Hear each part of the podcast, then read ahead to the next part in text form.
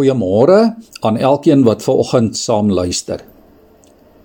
So 'n tydjie gelede kuier ek met 'n vriend en ons gesels onder andere oor ons dae in die weermag. Ons kon gelukkig met mekaar deel dat dit ook baie spesiale en kosbare goeie tye was.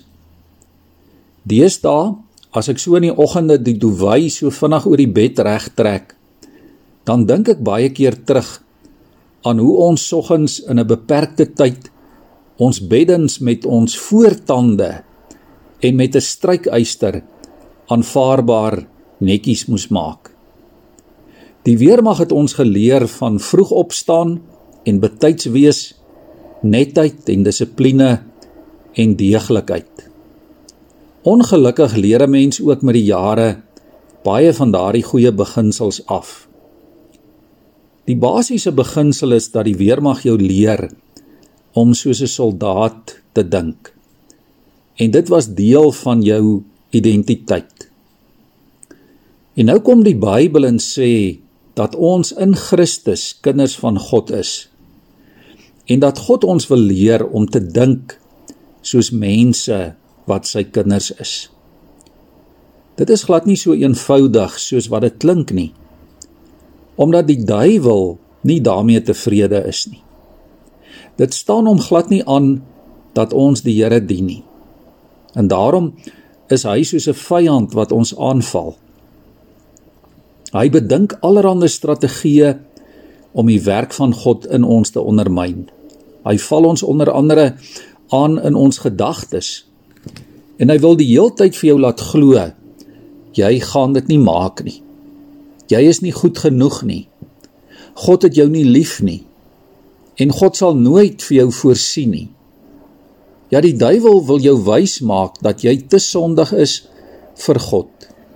Dat jou verlede dalk te erg is. Dat jy nooit sy kind kan wees nie. En dit het my sommer herinner aan 'n sekere koperaal in die weermag wat ons letterlik al ons hel gegee het. Hy het alles gedoen om ons op alle vlakke af te breek. En sy doel was om ons te laat glo ons is nie eers 'n oorlog werd nie. Hy was vir ons eintlik erger as die vyand. Liewe vriende, hoor vanoggend die woord van die Here. Jy is goed genoeg. Jy is goed genoeg vir die koninkryk van God. Jy is 'n koningskind en hy gee vir jou die wapens van sy woord en die wapens van sy gees om alle vyandelike vestings ook rondom jou af te breek. Jy kan vandag in die oorwinning van Jesus leef. Jy kan jou hart en jou gedagtes aan sy heerskappy onderwerp. Sy gees is jou krag en sy woord is jou kompas. In 2 Korintiërs 10 vers 4 en 5 lees ons: Die wapens van ons stryd is nie die wapens van die mens nie, maar die kragtige wapens van God wat vestings kan vernietig. Ons neem elke gedagte gevange om dit aan Christus gehoorsaam te maak. Kom ons onthou dit vandag en ook in hierdie tyd, hierdie uitdagende tyd waarin ons lewe. Ons buig ons hoofde saam in gebed voor die Here. Here, dankie dat ons goed genoeg is vir U. En Here, dat ons vandag as U soldate kan deel in die triomftog van Christus. Ons kan wen, Here, omdat U oorwin het. Amen.